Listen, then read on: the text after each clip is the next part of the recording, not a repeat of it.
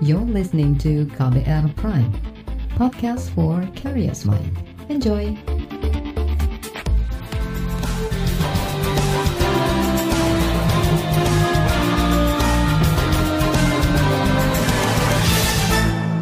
Disiarkan langsung dari studio kantor berita radio di Jakarta. Inilah KBR sore untuk hari ini, edisi 18 Januari 2022. Halo, selamat sore saudara. Apa kabar Anda sore hari ini? Kembali saya Reski Mesanto hadir di KBR sore. Dan tentu saja saya siap untuk menjadi teman aktivitas sore Anda. Hari ini, selama kurang lebih 30 menit ke depan, saya mau ajak Anda untuk membahas mengenai pemindahan ibu kota negara di mana DPR resmi merestui proyek pemindahan ibu kota dari Jakarta ke Kalimantan Timur. Hari ini rapat paripurna DPR mengesahkan rancangan undang-undang tentang ibu kota baru. Namun sejumlah pihak mewanti-wanti agar proyek ibu kota negara atau IKN ini tidak membebani keuangan negara. Lalu bagaimana skema pembiayaan pembangunannya? Apakah realistis ibu kota dipindah pada 2024 mendatang? Kita bahas selengkapnya sore hari ini di KBR sore. Saudara pemerintah bakal segera melakukan pemindahan ibu kota negara dari Jakarta ke Kalimantan Timur. Proses pembangunan ibu kota rencananya dimulai bertahap tahun ini. Menteri Perencanaan Pembangunan Nasional sekaligus Kepala Badan Perencanaan Pembangunan Nasional atau Bappenas Suarso Monoarfa mengklaim, pembangunan IKN disusun dengan perencanaan yang matang dan dapat dipertanggungjawabkan. Tentu saja membangun kota ini tidak seperti lampu Aladin langsung sep gitu jadi. Namanya juga sebuah perencanaan dan perencanaan ini tentu ada tahapannya dan pentahapan itu harus dilakukan dengan disiplin. Perencanaan tanpa dilaksanakan dengan disiplin pasti yang terjadi amorf, tidak berbentuk dan kemudian menjadi tidak nyaman. Itu yang harus dijaga. Kepala Bappenas Suarso Monoarfa juga buka suara terkait skema pembiayaan proyek IKN ini. Sebelumnya, dalam laman resmi Ibu Kota Negara atau IKN, tercantum skema pendanaan dari porsi APBN sebesar 53,5 persen dan dari skema kerjasama swasta 46,5 persen. Skema itu berubah dari rencana awal yang hanya akan menggunakan APBN sebesar 19 persen. Namun belakangan, informasi itu dihapus dari laman resmi IKN. Sumber pembiayaan IKN diperkirakan mencapai 460-an triliun rupiah. Dalam skema awal, anggaran itu didapat dari kerjasama pemerintah dengan badan usaha atau KPBU sebesar 54 persen, atau setara 252 triliun rupiah, serta investasi swasta dan BUMN sebesar 26 persen, atau setara 123 triliun rupiah, selebihnya bersumber dari APBN. Suarso berani menjamin pembiayaan IKN tidak akan merugikan APBN. Kata Suarso, porsi 53,5 persen dari APBN yang sempat tercantum di laman resmi IKN merupakan anggaran pembangunan yang sudah berlangsung sejak 2021. Bahwa sekali lagi dalam hal skema namanya di dalam undang-undang ini kita sebut skema pembiayaan. Dan skema pembiayaan ini pemerintah akan mengikuti uh, bisnis model dan financial model yang tidak merugikan APBN. Kita akan memaksimalisasi ya kekayaan negara ya justru untuk membuat kita menjadi lebih uh, punya aset yang lebih lebih banyak lagi. Kita juga menghindari uh, pembiayaan-pembiayaan utang jangka panjang. Kemudian uh, tadi yang soal angka tadi Ibu sudah sampaikan itu memang dihitung untuk tahun 2022 di APBN 2022 dan anggaran itu sebenarnya anggaran yang menyangkut misalnya keberlanjutan dari pembangunan yang sudah kita mulai dari tahun 2021 misalnya untuk uh, bendungan di Sepaku, kemudian uh, jalan akses, kemudian uh, jalan logistik itu yang sudah sedang dibangun. Jadi uh, in terms of percentage itu, selebihnya enggak. Saudara itu tadi Menteri Bappenas Suarso Monoarfa. Sementara itu Menteri Keuangan Sri Mulyani membantah proyek IKN akan menggunakan 50% lebih dari APBN. Namun dia tidak memungkiri porsi APBN akan lebih banyak dalam pembangunan tahap awal. Bendahara negara menyebut anggaran untuk pembangunan IKN masih dalam penghitungan. Kalau mengenai anggaran, apalagi tadi porsi APBN dan yang lain-lain, nanti kita akan hitung ya. Jadi sebetulnya nggak ada yang disebut hari ini preconception 54% adalah APBN. Pertama, seperti tadi saya sampaikan, kita akan lihat tahapannya tadi yang sudah ada di dalam undang-undang ada lima tahapan. Tahapan yang paling awal adalah 2022-2024. Itu biasanya kalau di front end ya pasti APBN akan lebih banyak karena biasanya itu nah namun kita tadi saya sampaikan 2022-2024 itu ada juga uh, program-program yang semuanya harus diseimbangkan tadi COVID, pemulihan ekonomi, pemilu dan IKN ini maka kita semuanya nanti akan lihat di dalam konteks uh, anggaran. Nah untuk tahun 2022 ini kita akan lihat uh, terutama uh, kementerian yang paling depan sekarang ini yaitu kementerian tempatnya PUPR. Jadi kita lihat uh, kemarin dengan Pak Menteri PUPR dilihat dari alokasi anggaran yang sudah ada dan bagaimana kebutuhan yang lebih urgent untuk mulai momentum pem, uh, apa pembangunan di sana. Saudara itu tadi Menteri Keuangan Sri Mulyani. Rencana pemindahan ibu kota negara sebelumnya disampaikan Presiden Joko Widodo saat pidato di sidang tahunan MPR. Kemudian Jokowi berjanji akan seminimal mungkin menggunakan APBN dalam proyek IKN. Dukungan pendanaan bagi pemindahan ibu kota akan sekecil mungkin menggunakan APBN. Kita dorong partisipasi swasta, partisipasi BUMN, maupun skema kerjasama pemerintah, badan usaha atau KPBU. Itu tadi Presiden Joko Widodo pada Agustus 2019. Saudara, kita break sejenak. Dan setelah break akan saya hadirkan laporan khas KBR yang sore ini akan membahas pemenuhan air bersih di ibu kota negara baru. Tetaplah di KBR sore. You're listening to KBR Pride, podcast for curious mind. Enjoy!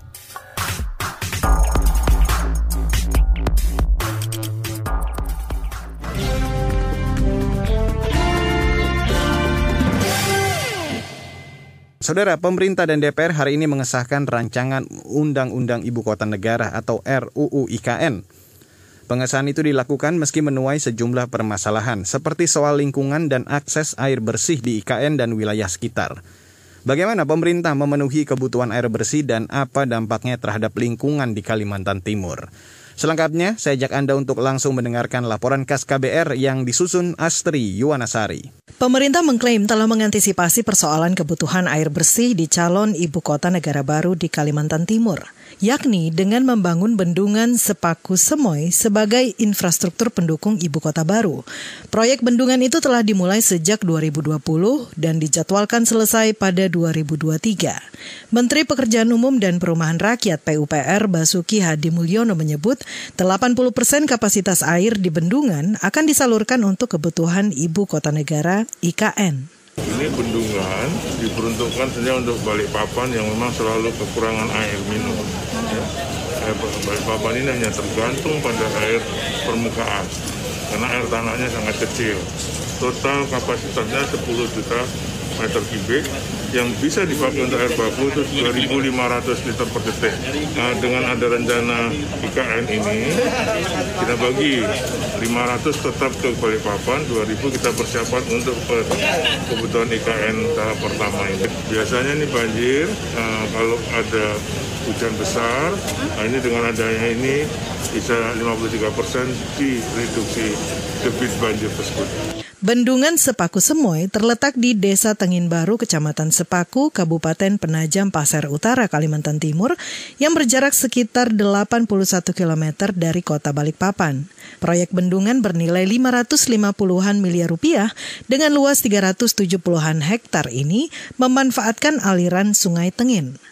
Namun, pembangunan bendungan ini justru dinilai akan menimbulkan masalah baru di wilayah Kalimantan Timur. Direktur Wahana Lingkungan Hidup Indonesia Walhi Kalimantan Timur, Yohana Tiko mengatakan, sumber air untuk bendungan tersebut diambil dari aliran sungai kecil yang akan langsung berdampak pada aliran air tawar dan ekosistem di Teluk Balikpapan ya bendungan itu akan mempengaruhi ketika dia sudah dibangun full, itu akan mempengaruhi Teluk Balikpapan karena air, sumber air tawar itu dari sungai kecil yang akan dibendung di dalam bendungan itu, gitu ya, yang mengalir ke Teluk Balikpapan satu. Yang kedua, kalau bicara soal air, makanya kita harus tahu dulu kebutuhan air yang di situ dengan hadirnya ibu kota negara baru ini berapa banyak kan begitu. Nah, baru kita tahu itu akan mensupport atau tidak kan begitu kan. Kalau dia pakai juga uh, apa air tanah kan gak ada bedanya dengan Jakarta gitu. Apalagi menurut Yohana, Sepaku adalah wilayah krisis lingkungan yang dalam beberapa tahun terakhir sering terjadi bencana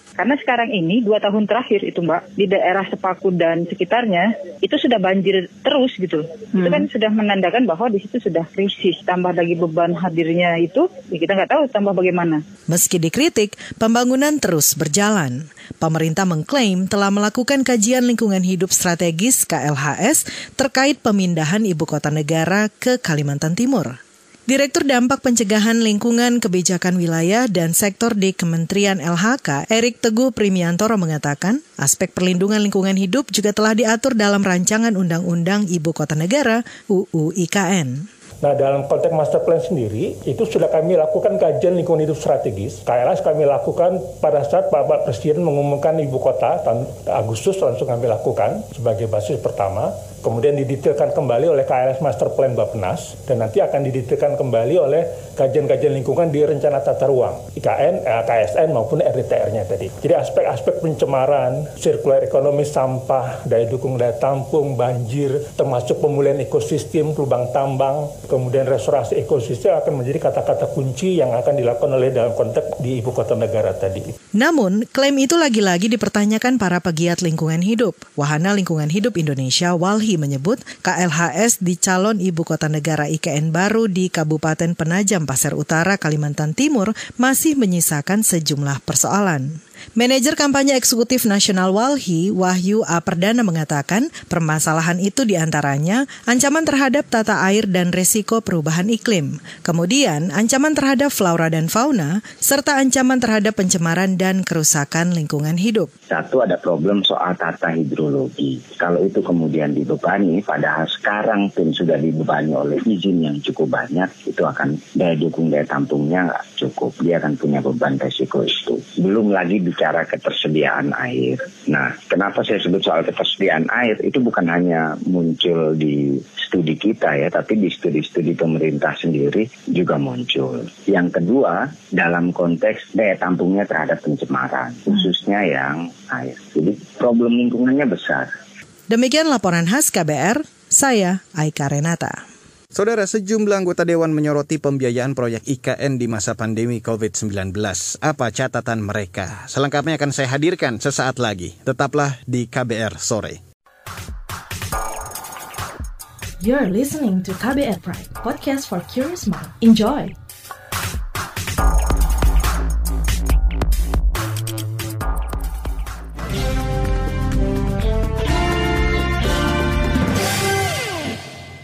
Selamat sore untuk Anda yang baru saja bergabung di KBR Sore. Saudara, DPR akhirnya mengesahkan rancangan Undang-Undang Ibu Kota Negara atau RUU IKN menjadi undang-undang.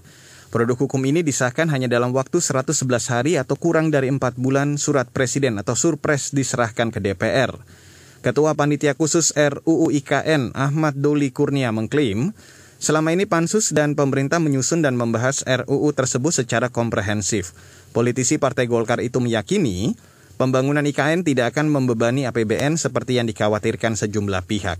Berikut pernyataan Ketua Pansus RUU IKN fraksi Partai Golkar Ahmad Doli Kurnia dalam konferensi pers hari ini. Pansus ini bekerja bersama dengan pemerintah uh, dengan konsentrasi yang tinggi konsentrasi tinggi itu adalah bahwa kami sadar betul bahwa rancangan undang-undang ini perlu segera untuk diundang-undangkan. Karena apa? Kami mengikuti perkembangan informasi karena sejak awal kami juga pesan ya, agar pelaksanaan pemindahan ibu kota negara ini tidak terlalu membebani APBN.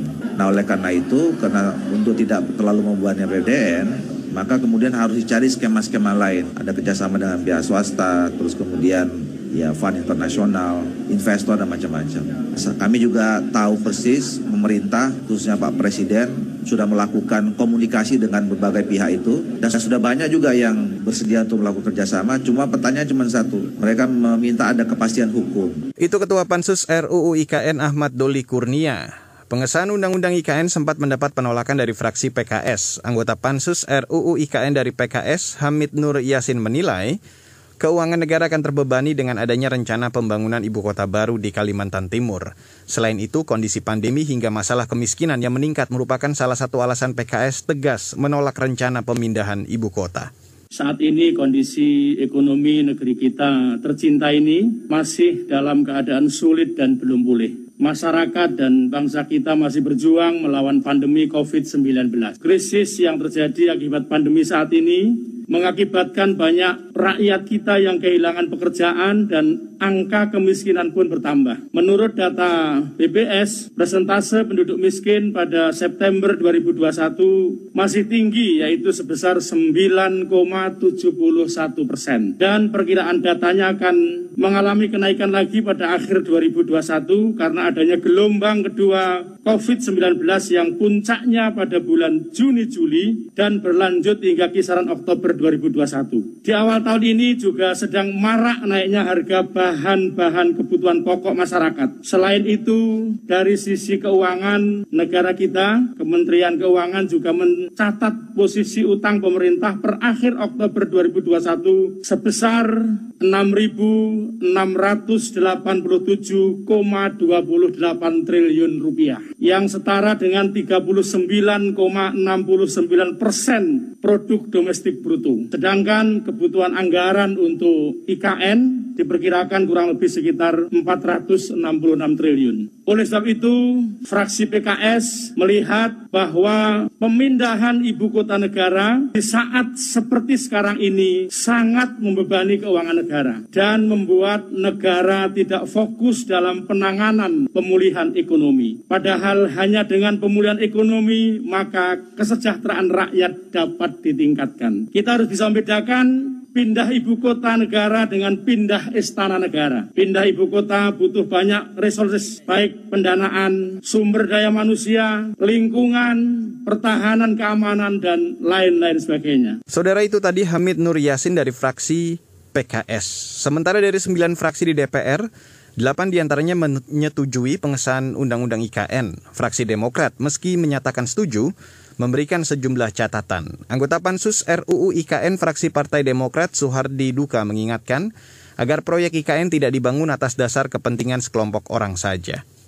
Dengan demikian, maka pemerintah harus berhati-hati dan sekaligus melakukan perencanaan yang matang untuk kesemuanya bisa menjadi kepentingan bangsa dan negara, bukan kepentingan orang per orang. Saudara itu tadi anggota Pansus RUU IKN fraksi Partai Demokrat Suhardi Duka. Kalangan ekonom menilai keuangan negara akan terganggu jika pembangunan IKN dibebankan banyak pada APBN. Dan untuk membahasnya, jurnalis KBR Astri Septiani akan berbincang bersama Direktur Eksekutif Indef Tauhid Ahmad. Selengkapnya sesaat lagi. Tetaplah di KBR sore. You're listening to KBR Pride, podcast for curious mind. Enjoy.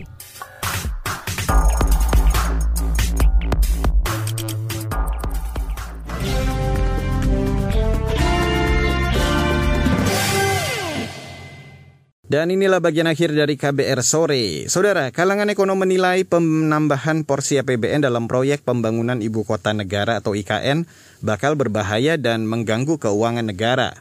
Direktur Eksekutif Lembaga Kajian Ekonomi Indef Tauhid Ahmad menyebut, dampak ekonomi pembangunan IKN sangat kecil dan tak sebanding dengan anggaran yang digelontorkan. Tauhid mengatakan, semestinya saat ini pemerintah fokus pada pemulihan ekonomi nasional yang dampaknya bisa langsung dirasakan masyarakat. Untuk membahas lengkap, saya ajak Anda untuk langsung mendengarkan perbincangan jurnalis KBR Asri Septiani dengan Direktur Eksekutif Indef Tauhid Ahmad. Mas, ini kan sedang ramai disorot soal pembangunan IKN dan postur APBN dalam pembiayaan proyek ini disebut akan meningkat begitu dari target awal yang 19%.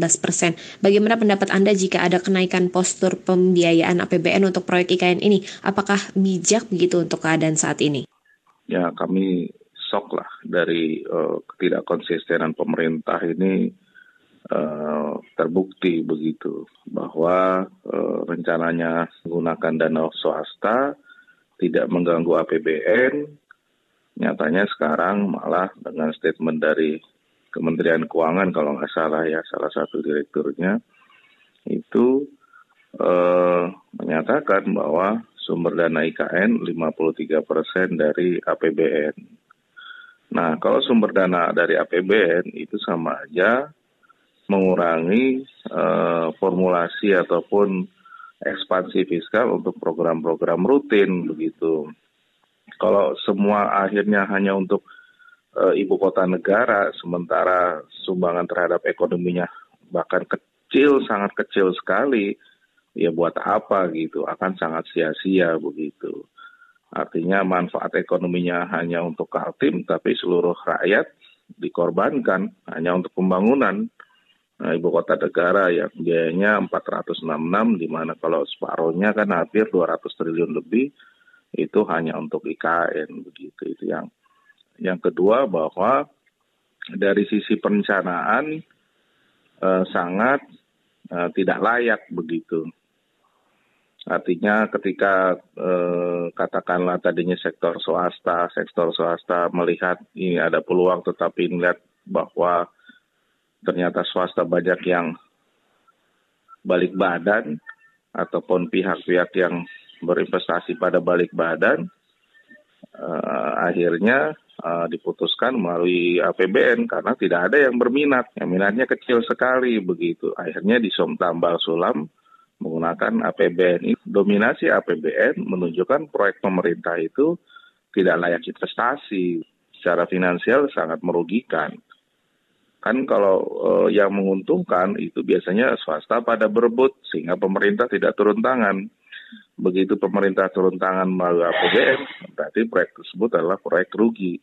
Nah, yang ketiga menurut saya eh, dengan formulasi bahwa APBN eh, cukup dominan, ya ini akan membahayakan eh, keuangan negara, sustainability fiskal dalam jangka menengah begitu, karena akan menyedot sebagian belanja negara yang yang otomatis dengan konsekuensi sekarang ya uh, utang akan tambah banyak. Gitu. Mas, pemerintah kan mengklaim bahwa IKN nantinya berdampak kepada ekonomi dan juga penciptaan lapangan kerja begitu sehingga dikebut. Bagaimana pendapat Anda? Uh, sebenarnya lapangan kerja yang tercipta apa sih? Toh sebagian besar kan orang yang yang pindah dari katakanlah PNS PNS muda ya dari uh, Jakarta ke sana begitu. Depers keluarganya mungkin sekitar 3 juta. Kalau lapangan kerja pasti ada, tapi kan multipliernya tidak besar begitu. Ya pembangun fisik pasti ada lah. Tapi itu kan berhenti pada saat di situ karena yang isi adalah orang bukannya ini perekrutan tenaga kerja enggak, tapi hanya proyek infrastruktur dan itu biasa saja gitu ya. Mas jika melihat dari kondisi saat ini begitu dari ekonomi maupun keadaan yang masih pandemi ya, apa yang mestinya jadi prioritas APBN Indonesia? Saya kira memang pemulihan ekonomi tidak berkutat uh, hanya pada satu titik ibu kota negara. Pemulihan ekonomi itu harus mempertimbangkan seluruh uh, aspek uh, kehidupan bukan uh, pada proyek-proyek uh, yang uh, sifatnya prestis seperti ini aja, tapi justru bagaimana proyek-proyek agar ataupun kegiatan-kegiatan yang mendorong masyarakat itu bisa kembali normal, bukan ibu kota negara, itu yang pertama. Ini menjadi unsur ketidakmerataan. Ternyata APBN dialokasikan untuk satu titik yang sangat besar, sementara daerah-daerah lain, daerahnya masih berhadapan dengan keterbatasan infrastruktur, baik jalan, jembatan, energi, dan sebagainya, akhirnya akan menunggu lama begitu bahkan nggak kebagian gitu semua disedot buat uh, proyek ibu kota negara. Saudara itu tadi perbincangan jurnalis KBR Astri Septiani dengan Direktur Eksekutif Indef Tauhid Ahmad yang sekaligus menutup KBR sore untuk hari ini 18 Januari 2022. Terima kasih untuk Anda yang sudah bergabung sore hari ini. Selamat menjalankan kembali aktivitas Anda dan Ingat, selalu patuhi protokol kesehatan di mana pun Anda berada. Hindari kerumunan, kurangi mobilitas semaksimal mungkin apabila tidak ada kebutuhan yang benar-benar mendesak, dan tetap gunakan masker bila Anda berada di ruang publik. Saya Reski Mesanto undur diri dari KBR Sore, salam.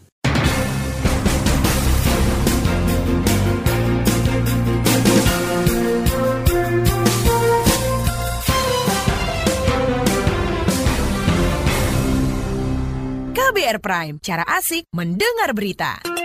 KBR Prime, podcast for curious mind.